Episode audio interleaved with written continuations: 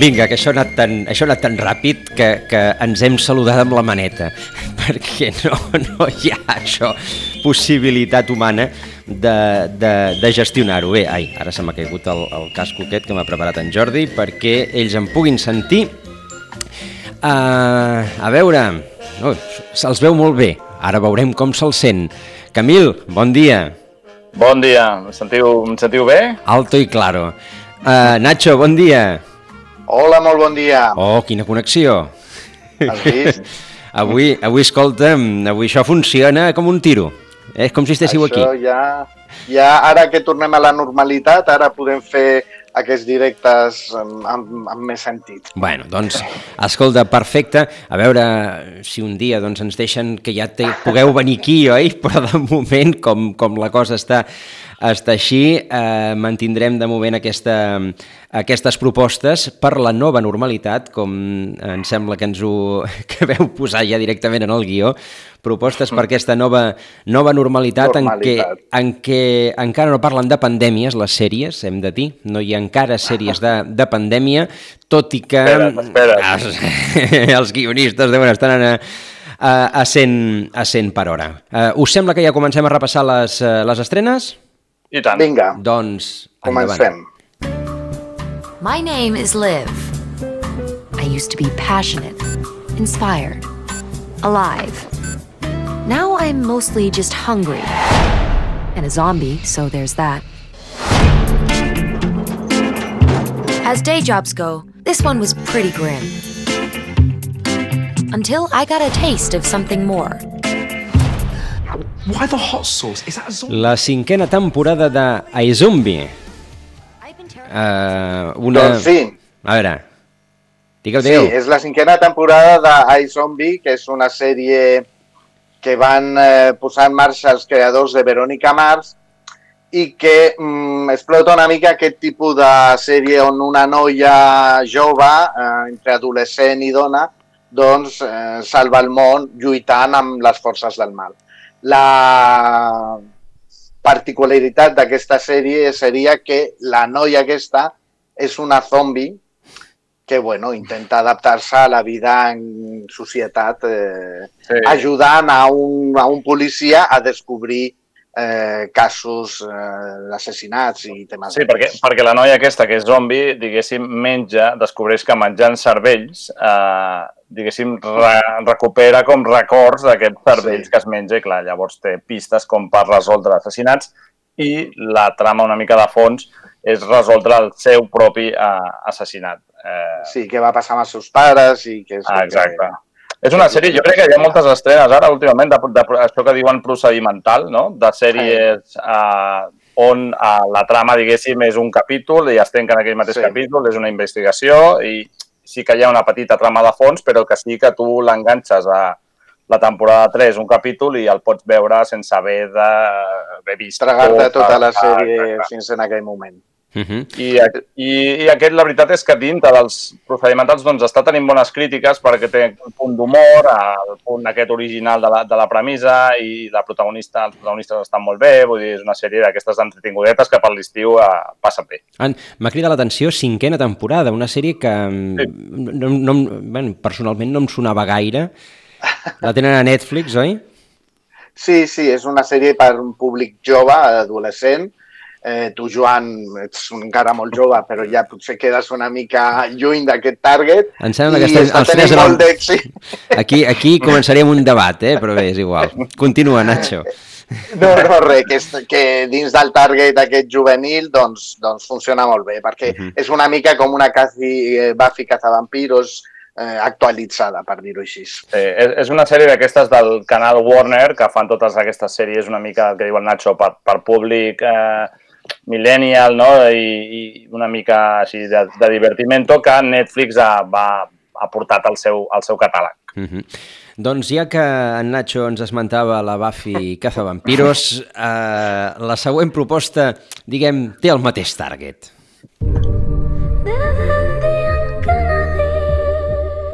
My whole life, I've dreamt about being dead. I leave my body and I see myself from above. A normal girl.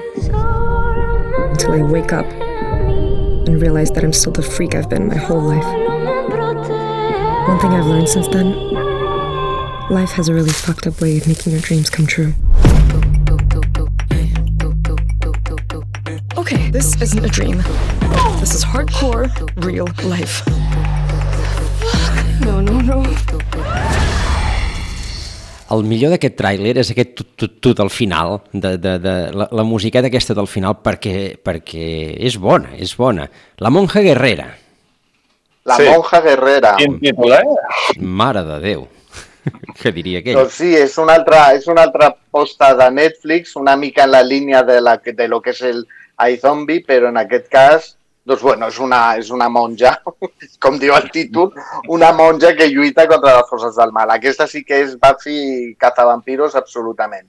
El títol no, no, és, no és gaire subtil, eh, Nacho? Vull dir, ja No, no, no, el títol ja desvella, desvella exactament el que ens trobarem. Monstres, eh, eh, dimonis, qüestions esotèriques. Eh, comentar que esta és una sèrie americana però està rodada en Espanya i que la música que sonava de fons, suposo que molta gent l'haurà reconeguda, és de la Rosalia. Uh O sigui que aprofiten molts dels tòpics de, i molts actors eh, del Sí. panorama nacional.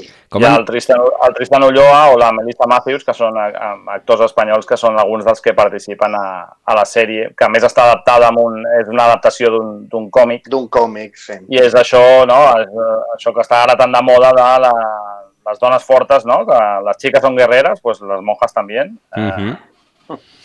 agafa una mica aquesta onada i, i això ens dona una nova revisió del que deia el Nacho, una nova Buffy o, o una nova Sabrina, diguéssim, la bruixa. sí. No? Doncs, eh, a més a més, allò amb, top, amb tòpics espanyols, ja que parlem de monges i, i de guerres, oi? Eh, Exacte. No, no, no fa, que no falti, que no falti. Doncs la, la monja guerrera, pri, eh, primera temporada, aquesta sí que és estrena eh, absoluta, s'estrena a El Netflix dia 2 de juliol. eh, demà passat, dijous. Ah, Exacte. Doncs eh, d'aquí ens n'anem a HBO.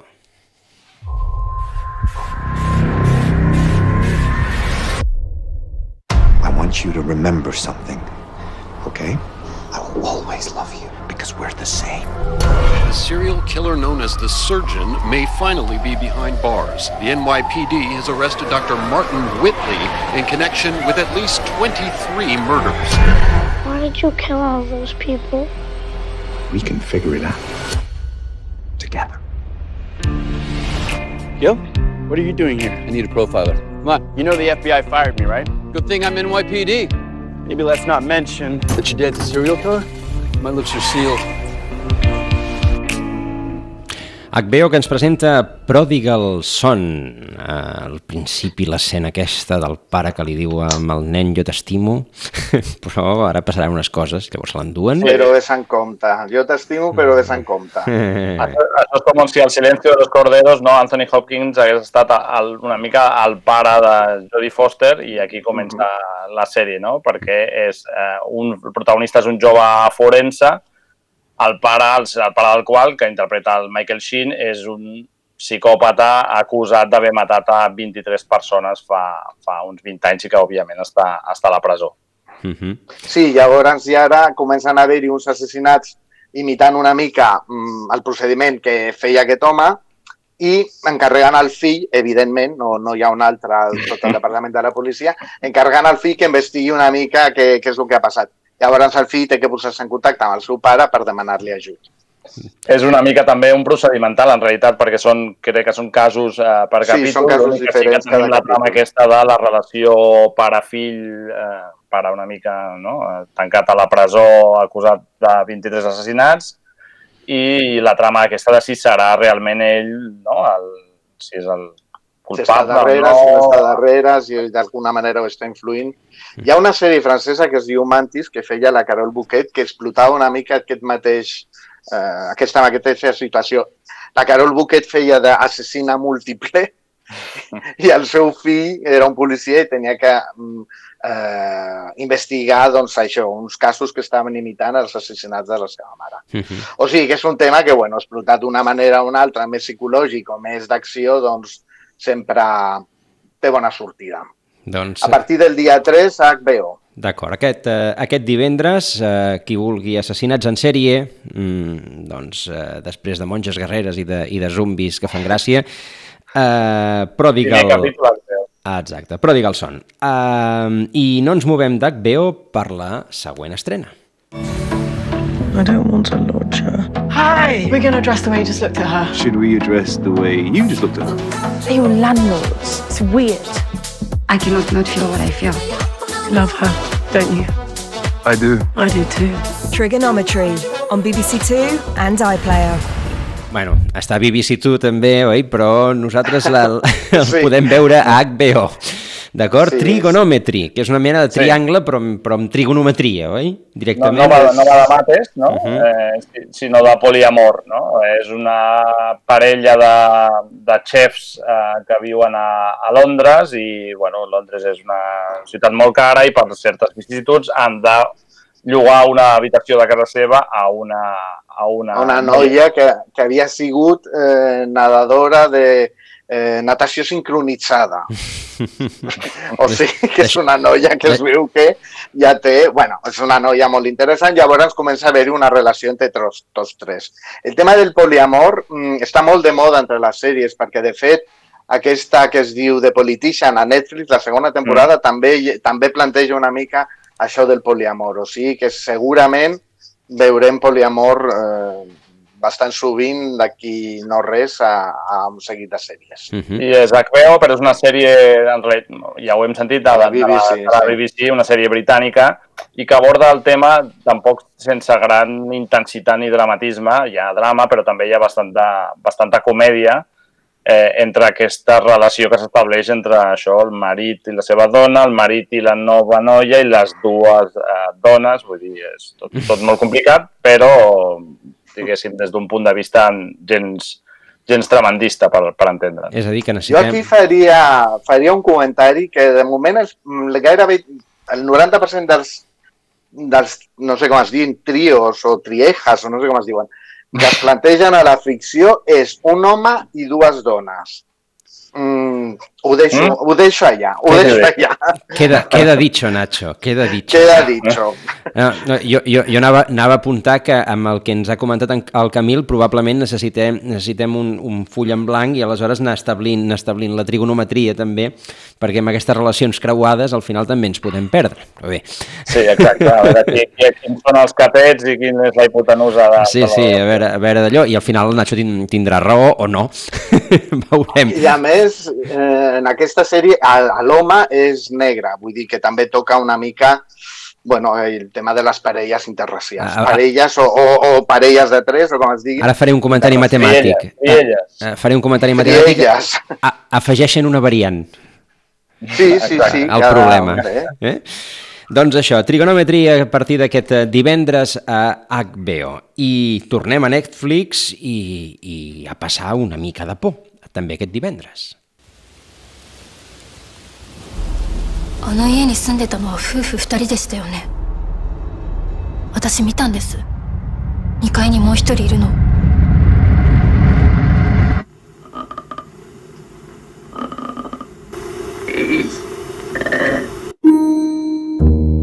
の前俺変な家行っちゃったんだよ。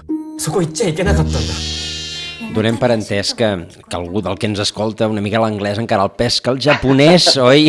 El japonès costa més, tot i que segur que, que, que, hi, ha, que hi ha persones que ens puguin estar escoltant que, el- que el coneguin, però clar, a nosaltres se'ns escapa una miqueta més. En, en qualsevol cas sí que s'ha sentit aquesta porta, que és, una cosa, és, un, Sí. és un recurs molt interessant, oi? Jun Orígenes, que això Jo, és... Ju-on Juon, Origins. ai mare. Hm. Juon, Juon. Juon. Bueno, no sé com es pronuncia. Jo sóc Joan. És, eh, hi ha una pel·li bastant famosa japonesa que es deia La maledicció i de la que s'han fet un seguit de seqüeles al cinema i als vídeos. I bueno, doncs ara el que ha fe- ha fet Netflix és, evidentment, aprofitar aquest tiro que té aquesta pel·lícula per fer una sèrie i explicar, perquè la sèrie, mm, la pel·lícula passa en una casa maleïda i tot el que comporta, llavors explicar una mica per què aquesta casa mm, té aquesta maledicció. No? Llavors és el que proposa aquesta sèrie Jun On orígens. Uh -huh. uh, té Una pinta altra, de fer... Una volta, no? Ah, sobre el tema que cases embruixades, no? Fa poc havien estrenat Lock and Key, Netflix, i diguéssim, aquesta és una altra variant, però així com Lock and Key potser era més divertimento, no? Més Sí, era més aquesta- entreteniment. Aquesta, fa, aquesta, fa, aquesta és de les que t'agraden, Nacho. Aquesta a mi m'agrada, jo la veuré, almenys els primers capítols, després ja... Però bueno, sí, sí, a mi aquestes coses se'm tiren. Uh, realment té pinta de fer molta por, eh? Sí, i això que els japonesos, eh, amb una noia despentinada i pintada una mica així estranya, poden arribar a donar molta por, sigui que suposo que hi ha alguna escena que es veu i tal que pinta que ho passarem malament, o sigui que jo m'apunto. doncs també aquest, eh, aquest divendres estrena eh, a Netflix de, ara ho dic bé, Ju-on Orígenes, la, la sèrie aquesta mena de preqüela de, eh, de la maldició de, de la casa embruixada que, que ens comentava en, en Camil. I ara, mm, probablement una de les que més personalment a mi m'ha cridat l'atenció com, a, com a estrena, més que res perquè en el fons no deixa de, de plantejar una qüestió de- d'actualitat, a més a més quan llegeixes lo basado en hechos reales, mm, veus, com, veus com la cosa doncs, probablement deu ser, deu ser dura i interessant. What is it that you want?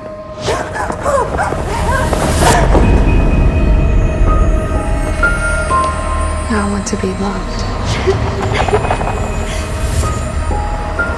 Here, you can be anyone you want to be. Sophie's missing. I wondered if you'd heard from her. She just stopped coming here. Such a shame. In the vast majority of cases, those people who are missing choose to remain missing. Because they're running from something.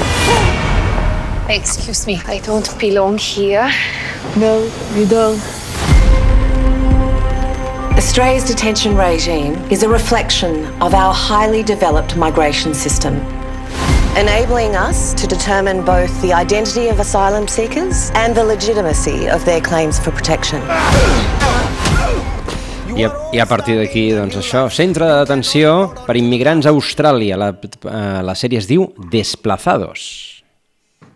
Sí, és una sèrie que eh, planteja una mica la situació d'un seguit d'immigrants eh, que conflueixen en un centre d'atenció d'immigrants a Austràlia.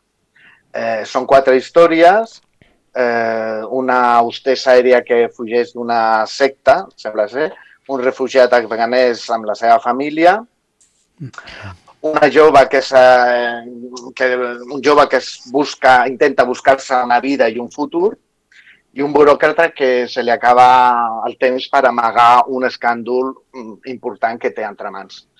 Eh, aquests quatre personatges i les seves històries conflueixen en aquest centre de detinguts i mm, bueno, doncs aquí explicaran una mica doncs, el que suposa la immigració o el desplaçament de persones humanes mm, per necessitats en un moment, bueno, en aquest moment que estem vivint. No?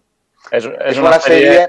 Sí, el, Nacho, sí, una sèrie australiana que ja es va emetre a Austràlia, crec que sí. passat març o així, i que Netflix ha fet això de doncs, la- posar-la al seu catàleg i distribuir-la internacionalment a veure, a veure com, com funciona. I crec que produïda i és creada, bàsicament, a més de protagonitzada, per la Kate Blanchett. Sí. Eh, a vegades eh, les sèries el que fan és eh, posar les seves estrelles com a productors, però en aquest cas ha sigut a l'inrevés. Es veu que aquest Blanchett, que té una productora pròpia, ha volgut eh, posar en marxa eh, aquest projecte i és ella, ella o la seva productora qui ho ha liderat. No? O sigui, per això la sèrie està rodada a Austràlia, aquest Blanchett és d'origen australià, i bueno, doncs eh, s'ha d'agrair que les estrelles de Hollywood també tinguin aquesta vessant eh, social, per dir-ho així. No? O sigui que pinta, pinta interessant. I a més té un bon repartiment al costat. Hi ha el Dominic West, que eh, coneixem de The Wire o The Affair, per exemple, l'actor britànic, i després la Yvonne eh, Strahovski, que és la, una de les dues protagonistes de, del cuento, el cuento de la criada. Doncs ja que no podem veure què passa dintre dels CIES, aquí, eh, aquí doncs mm, mirem com és un centre d'atenció d'immigrants a Austràlia i així ens podem fer ens podem fer una, Una idea. idea. I a partir d'aquí, mm, una que ja està estrenada, em sembla, oi? Però sí. que, que també l'heu volguda destacar.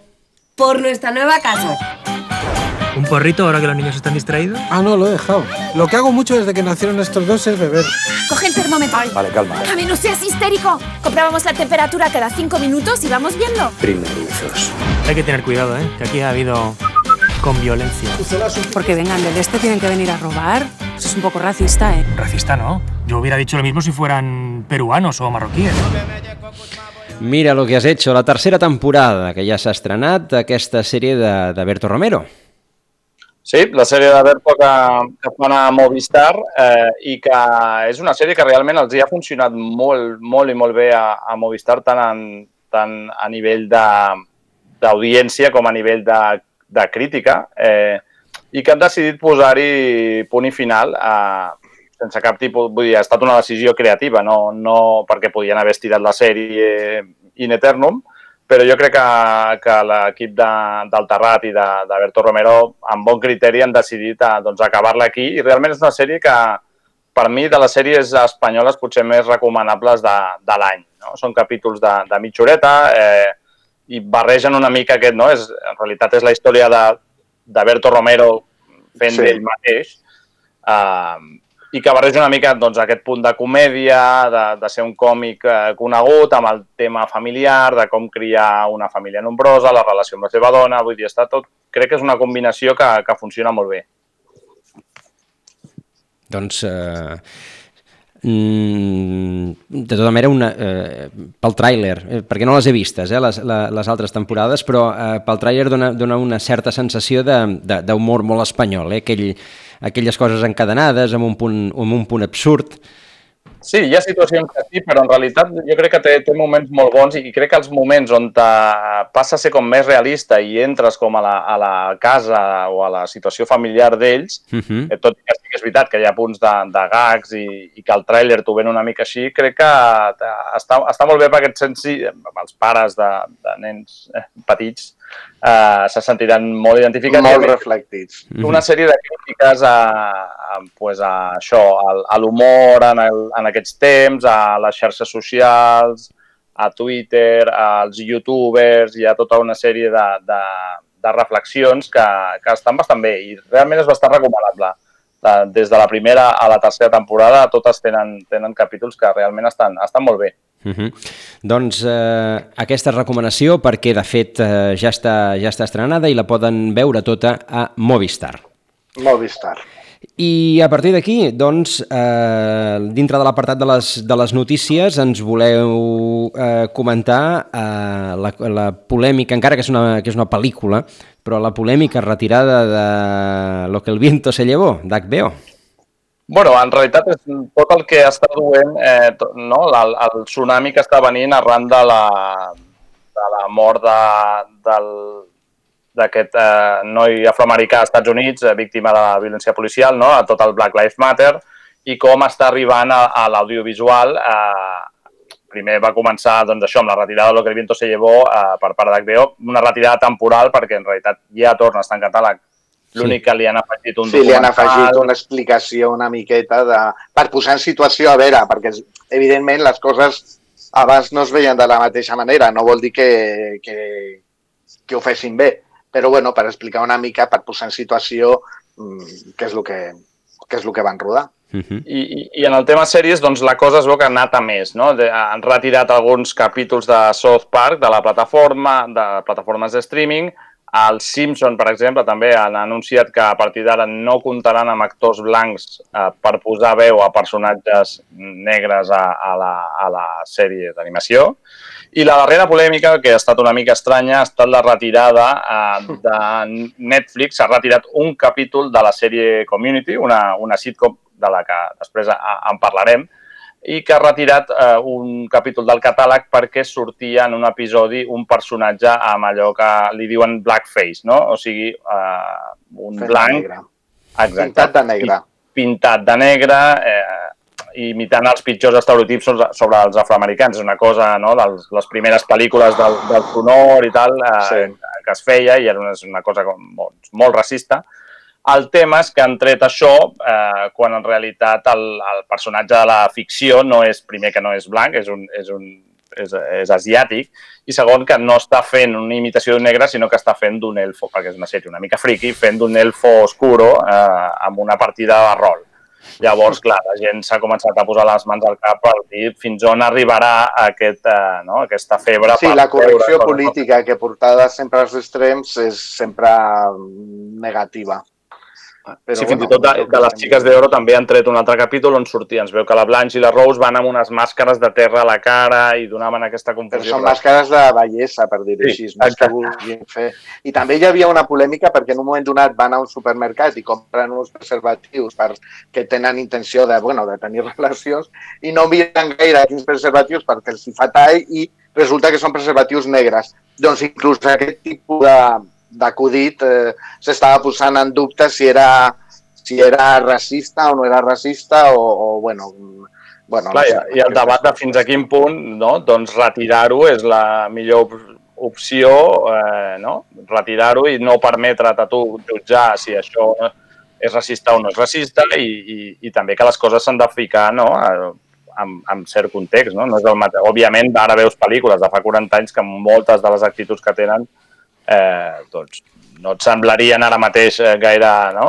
gaire positives, Correcte, sí. però és una ficció, és un reflex del seu temps i no sé fins a quin punt amagar-ho o, o prohibir-ho o treure dels catàlegs és una, és una solució eh, adequada. Considerar, considerar els espectadors com tontos, que no, serà, no tindran la, la pròpia visió... la capacitat Sí. de, de posar les coses al seu lloc. A veure, jo penso que hi ha mesures que sí que són interessants i que, a veure, Mm. són, diguéssim, de calaix, com que un actor negre dobli la veu d'un personatge negre però altres, com allò de treure lo que el viento se llevó, alguns capítols que a més a més no tenen res a veure amb el racisme, eh, em sembla Oh. exagerat. Sí, sí, sí, o del tema, parlaves dels actors negres o, o dels personatges trans, per posar un exemple. Sí, bueno, No? també va haver una polèmica molt important. Ah, Exacte, amb personatges de ficció trans, doncs intentar donar-ho a eh, actors o actrius trans, que a més és un col·lectiu doncs, de, doncs, eh, Sí, que té una sortida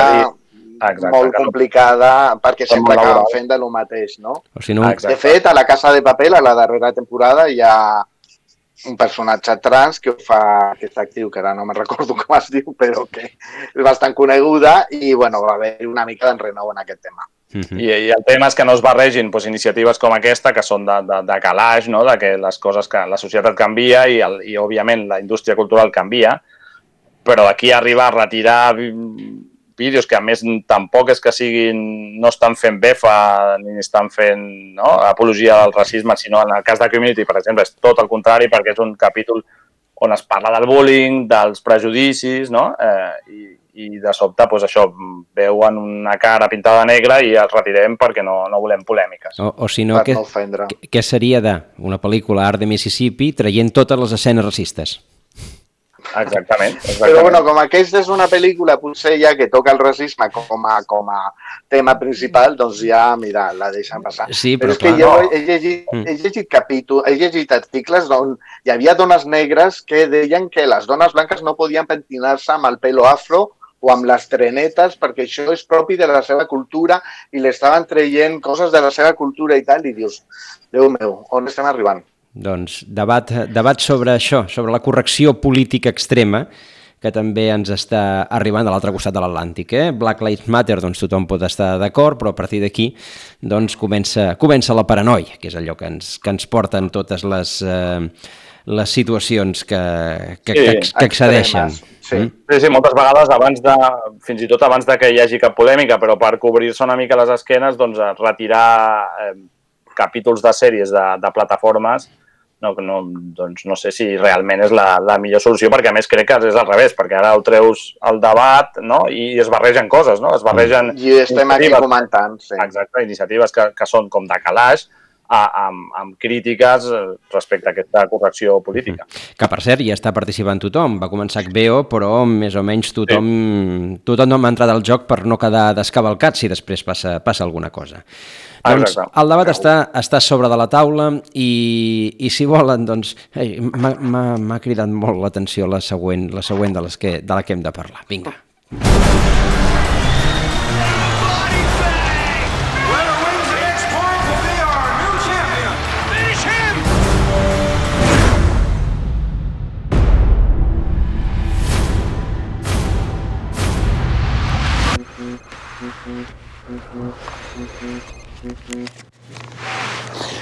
Who is it? Banzai! Daniel LaRusso here for LaRusso Auto. We are chopping prices on all of our inventory. Johnny? I knew it was you. This is Johnny Lawrence. He and I go... Al principi del tràiler que se sentia aquelles musicotes, allò era el final de Karate Kid, de la primera Karate Kid, oi? Allò de... Pum, que, que està el noi coix, però llavors Sí. li...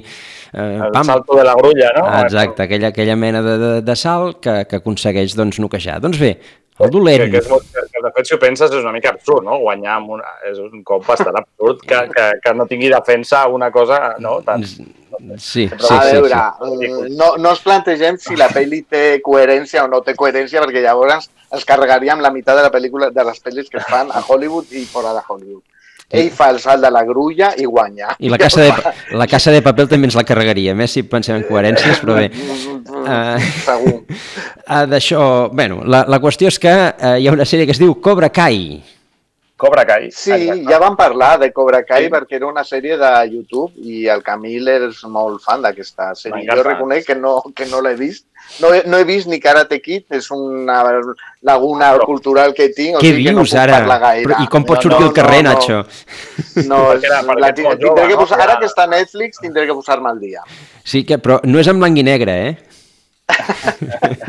No surten negres no, disfressats de blanc, no, tampoc? tampoc, tampoc. Doncs, a veure, eh, És la sèrie, diguéssim, uh, és la... Eh, Karate Kid, diguéssim, és la, la premissa des d'on surt aquesta sèrie, que va ser, diguéssim, una, una iniciativa de YouTube Premium, del canal de pagament de YouTube, uh, per fer ficció i a veure si enganxaven subscriptors. I el protagonista, en comptes de ser Daniel, no? Daniel San, el protagonista de Karate Kid, que és el que guanya amb el salto de la grulla, el prota és el dolent de la pel·lícula, eh, el, el Johnny Lawrence, el, aquell noi ros de, que pertany a aquell dojo que es deia Cobra Kai i d'aquí el títol de la, de la sèrie. La gràcia és que anys després, ara com, doncs, aquest, aquest home ja, ja és gran i és un, un perdedor, no? un tipus que, que des de llavors no ha aixecat cap i en canvi Daniel LaRusso és un autèntic triomfador que ven cotxes, surt per la tele eh, i és un autèntic cretí que encara viu d'aquell d'aquell Del èxit. salto de la grulla. Ah, Exacte, que encara viu d'aquell èxit al, al campionat i, i sempre ho recorda com una estratègia per vendre més cotxes. Llavors li donen una mica la volta amb, aquesta, amb la premissa de la pel·lícula i el protagonista és, és, és el Johnny Lawrence. I la veritat és que hi ha dues temporades que estan molt bé perquè són molt divertides, la veritat. Eh, acabes empatitzant molt amb el personatge del, del dolent de Karate Kid i ara Netflix s'ha quedat amb eh, aquestes dues temporades, una tercera que ja estava a punt d'estrenar-se i es diu que es prepara, que Netflix produirà, a part d'exhibir, diguéssim, les que ja estan fetes, produirà una quarta temporada de Cobra Kai, que és, per mi és una de les sèries mm, més divertides de l'any passat, que no massa gent ha vist i que, que ara que està a Netflix doncs tenen l'oportunitat. Segurament tindrà molta més difusió. A més, són capítols molt, bastant curtets, no? Vull Sí. dir que és molt fàcil de veure-la. És molt Doncs. Cobra, Cobra Kai que de YouTube passa a, a Netflix. Aquesta seria Sí, la... de fet, a YouTube hi ha alguns capítols que estan eh, en obert, o sigui, Mhm. crec que els dos primers capítols es poden veure en obert per qui li interessi i, bueno, d'aquí poc el podran veure tots al catàleg de Netflix. de Netflix. Doncs, um, I per capítols cur curtets els que, els que proposava Kiwi. Mm, sí. Com abrir un negocio en el peor momento possible? Gairebé és això el que els hi ha passat en aquesta plataforma de, de minissèries, no? de sèries curtes, per veure el mòbil. Exacte, sèries amb, amb capítols que duressin com a màxim 10 minuts. 10 minuts, sí. Exacte. La, la, la premissa era unes sèries que tu puguis veure amb desplaçaments a, mirant la, al mòbil, jo que sé, a l'autobús, al metro... Sí, quan vas a treballar o, quan, o abans d'anar a dormir o alguna així, coses molt breus, i per veure-les, consumir-les en el mòbil. De fet, nosaltres ja vam fer ressò d'aquesta notícia, Sí. perquè la veritat és que, segons les entesos i segons eh, les, tothom que sap de sèries, eh, vaticinava que tindria un èxit fulgurant. Sí, va ser un Doncs dels anuncis més forts de la, de, la, de la Super Bowl, recordo, que ho vam parlar just Sí. després, i va ser com un dels anuncis més vistos de, i més comentats de la Super Bowl perquè pensaven, no? Era la campanya aquesta que volien arrasar amb tot i al final Nacho doncs no, no, no. sembla ser que no, que la, real, la dura realitat les està mm, creuant en el seu camí. De fet, tenien la intenció d'arribar, penso que eren els 10 milions de, eh, eh, associats durant en aquest primer any i si arriben als 2 milions mm, es donaran en aquest No, moment. porten ja, que crec que uns tres, però sí, estan molt lluny, ho reconeixen ells mateixos, el Jeffrey Kratzenberg, que és no, un dels capítols Sí, que seu- està a la Disney, eh, ja diu que, que estan molt lluny del que volien. Per què? Perquè, clar, una de les seves punts forts és això que hem comentat, no? Pots veure-ho al mòbil, desplaçant-te doncs, en metro, desplaçant-te a tal, esperant en algun lloc, i què passa? Que doncs, amb el confinament eh, La gent no s'ha desplaçat tant com ells pensaven. I a més- Llavors ha preferit veure altres opcions on els capítols eren més llargs. I, i el seu punt fort s'ha convertit una mica en la seva de- debilitat a causa de, de la pandèmia. Per I això. ara, doncs, S'ha llançat en el pitjor moment, que és, que és enmig Sí. d'una pandèmia. A més a més, clar, tothom a casa, mm, perquè has de veure una sèrie al mòbil, tenir una tele. exactament. Sí, sí, sí. I perquè està només 10 minuts i pots veure una sèrie més llarga si no tens ta- aquesta... No? Aquest, eh, tens, doncs no tens el dia per davant, tampoc has de dir, oi, vaig a veure una sèrie de 10 minuts per aprofitar, sinó que Uh -huh. veus unes altres coses i això demostra la importància no només de tenir una bona idea, perquè crec que ho és, sinó, clar, del moment... De l'oportunitat. Exacte, de si era el, el moment adequat, que no ho sabien, i, i bueno, van tirar endavant i no els hi ha acabat de funcionar. A veure com, Ara, com tema. la pasta se la van gastar, perquè si van posar l'anunci a la final de la Super Bowl... Mm, no? I compten amb primeres espases. De fet, estan esperant ara l'estrena de la sèrie de, de Steven Spielberg, De Steven Spielberg, sí. que, no, que a més només es podrà veure, crec que per la nit, perquè és com de por i, i tal, i amb això esperen intentar portar gent, però clar, port- tenen, eh, tenen noms molt potents a, a, com a creadors, Guillermo del Toro, Spielberg, eh, hi ha sèries del, del, de l'actor de Thor, que ara no recordo, el marit de la Elsa Pataki, que no recordo el nom, vull dir, tenen noms molt potents darrere eh, i s'han gastat molts diners. Eh, Llavors, jo crec que intentaran doncs, eh, fer que això sigui viable, perquè si no serà un, una galeta però forta. Uh -huh. Chris Hemsworth. Chris Hemsworth, això. Mai em surt aquest nom. No, sí, és... A mi és tampoc. Buena. eh. No, i a més, eh, a més també eh, ninguna de les minissèries o sèries de minicapítols que han estrenat ha tingut gaire ressò, no? Que això tambo, també ha fet que la seva participació, la seva... Eh, que s'uneix més als mitjans de comunicació no ha sigut com ells esperaven, no? Uh -huh. I bueno, si no van, doncs, no van eh, venir amb una, amb una sèrie de capçalera com va fer Disney amb el Mandalorian, per exemple. No, exacte. No. Eh, feien la comparació aquesta, que Disney va vindre en The Mandalorian, que tothom parlava, i això li ha portat molts, molts eh, clients, i aquesta gent doncs, no ha sapigut o no ha trobat o no ha tingut sort en trobar una sèrie puntera. Uh -huh. Doncs eh, veurem què passa en el futur amb, amb Kiwi i ho, ho explicarem. I ara, la sèrie de la que tothom en parla. Aquí ja n'hem parlat, eh, d'aquesta sèrie. Em sembla recordar que, que la vam tractar... Sí, quan es va estrenar, es va estrenar. la van comentar. Sí, però eh, es considera una de les millors sèries estrenades aquest 2020. Ahora le veo, ahora le veo. De la Casa Blanca no quiere que mencionemos el petróleo, ni la maicena, ni los plásticos. ¿Me lo han jodido con el lápiz completamente? Eh, sí, por delante y por detrás, nada romántico. Vale, que queda aquí. Me queda hola y... Bueno, Las preposiciones. Damos la bienvenida a la vicepresidenta Selina Meyer. Eh, La política se trata de la gente. Mi mensaje es este. Conozco a alguna gente, pero gente real, y si te digo la verdad, una gran parte son idiotas. Ja està, la vicepresidenta dels Estats Units, que és Mrs. Amèrica.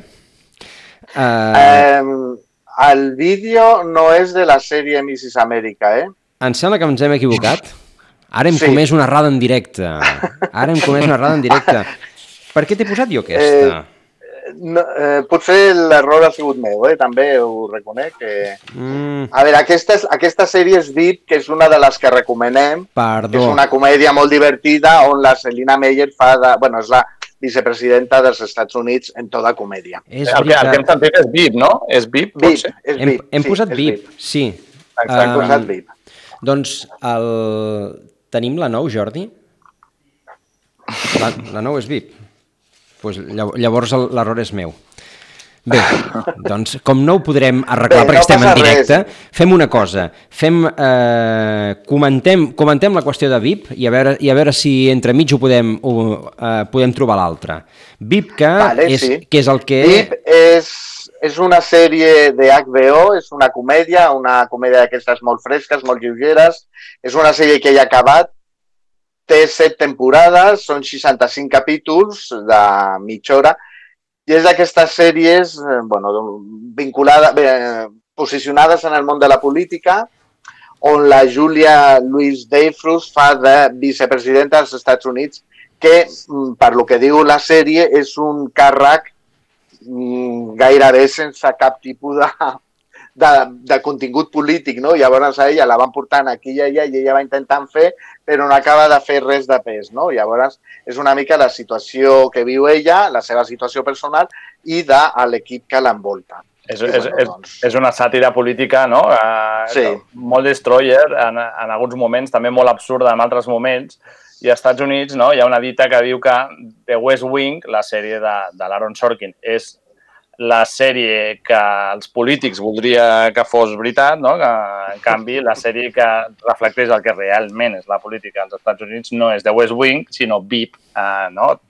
tota tan, eh, tan absurda i on s'acaben prenent decisions que afecten a milions Sí, de a mi- persones per, per motius eh, completament... absolutament personals i d'enveges i d'orgull i de no sé què, ah, tu has fet això, doncs jo faré aquest altre, el teu despatx és més gran, doncs no, jo vull un altre més gran i amb una finestra que doni no sé què.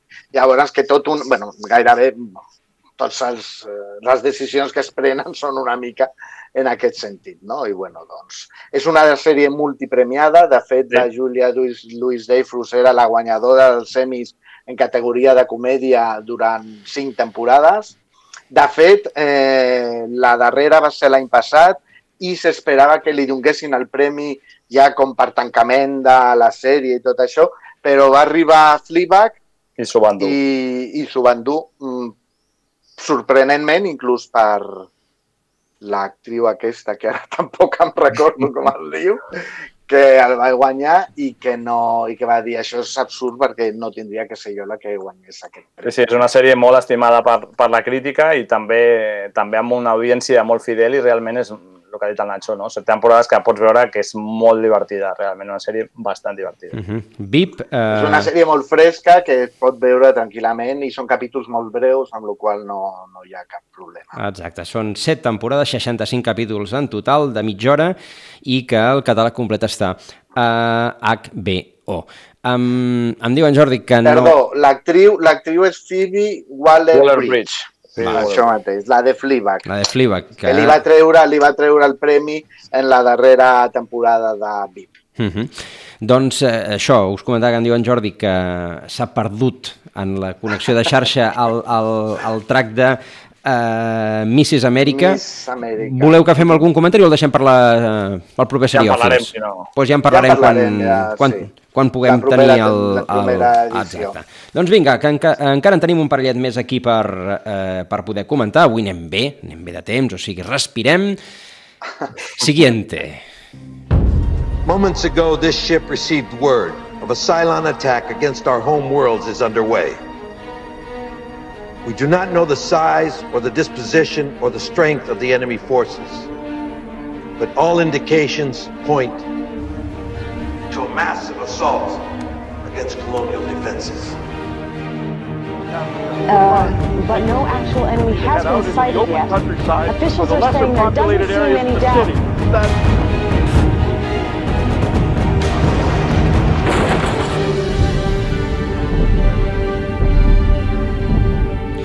Battlestar Galàctica. Um, no va de virus, però va de cyborgs que ens ataquen, és a dir, que més o menys la cosa...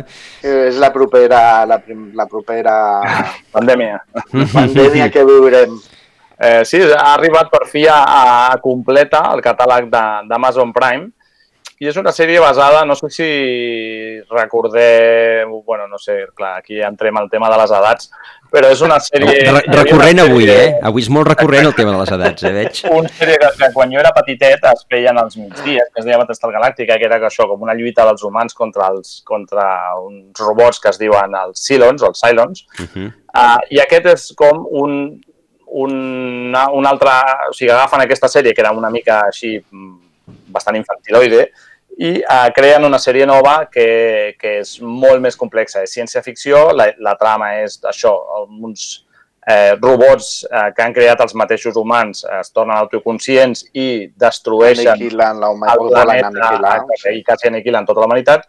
I aquesta humanitat, eh, que viuen en les 13 colònies, es diuen una sèrie de planetes, es fiquen en una sèrie de naus, de, on la principal és aquesta Battlestar Galàctica del títol, és una nau de combat, i comencen un viatge, tota la sèrie és un viatge per trobar un nou, un, una nova llar, sempre perseguits per On establir-se, sí. ah, exacte, per aquests Cylons que a més eh, s'assembla, o sigui, són, són, no són distingibles d'un ésser humà i llavors eh, és això, eh, estan infiltrats a, a, la, a la nau, eh, els persegueixen, bueno, hi ha tota una sèrie de, de trames al llarg d'aquestes cinc temporades, però l'interessant és que, abans parlàvem no, de The West Wing, doncs és una mica, és una sèrie de ciència-ficció, però que aborda el punt de vista doncs, polític i militar, no? de com es prenen les decisions, el, la relació entre el poder militar no? i el poder civil, que hi ha una presidenta, entre la seguretat de, que dona i, el, i, el, i fins on arriba el tema de la seguretat, el control de la població,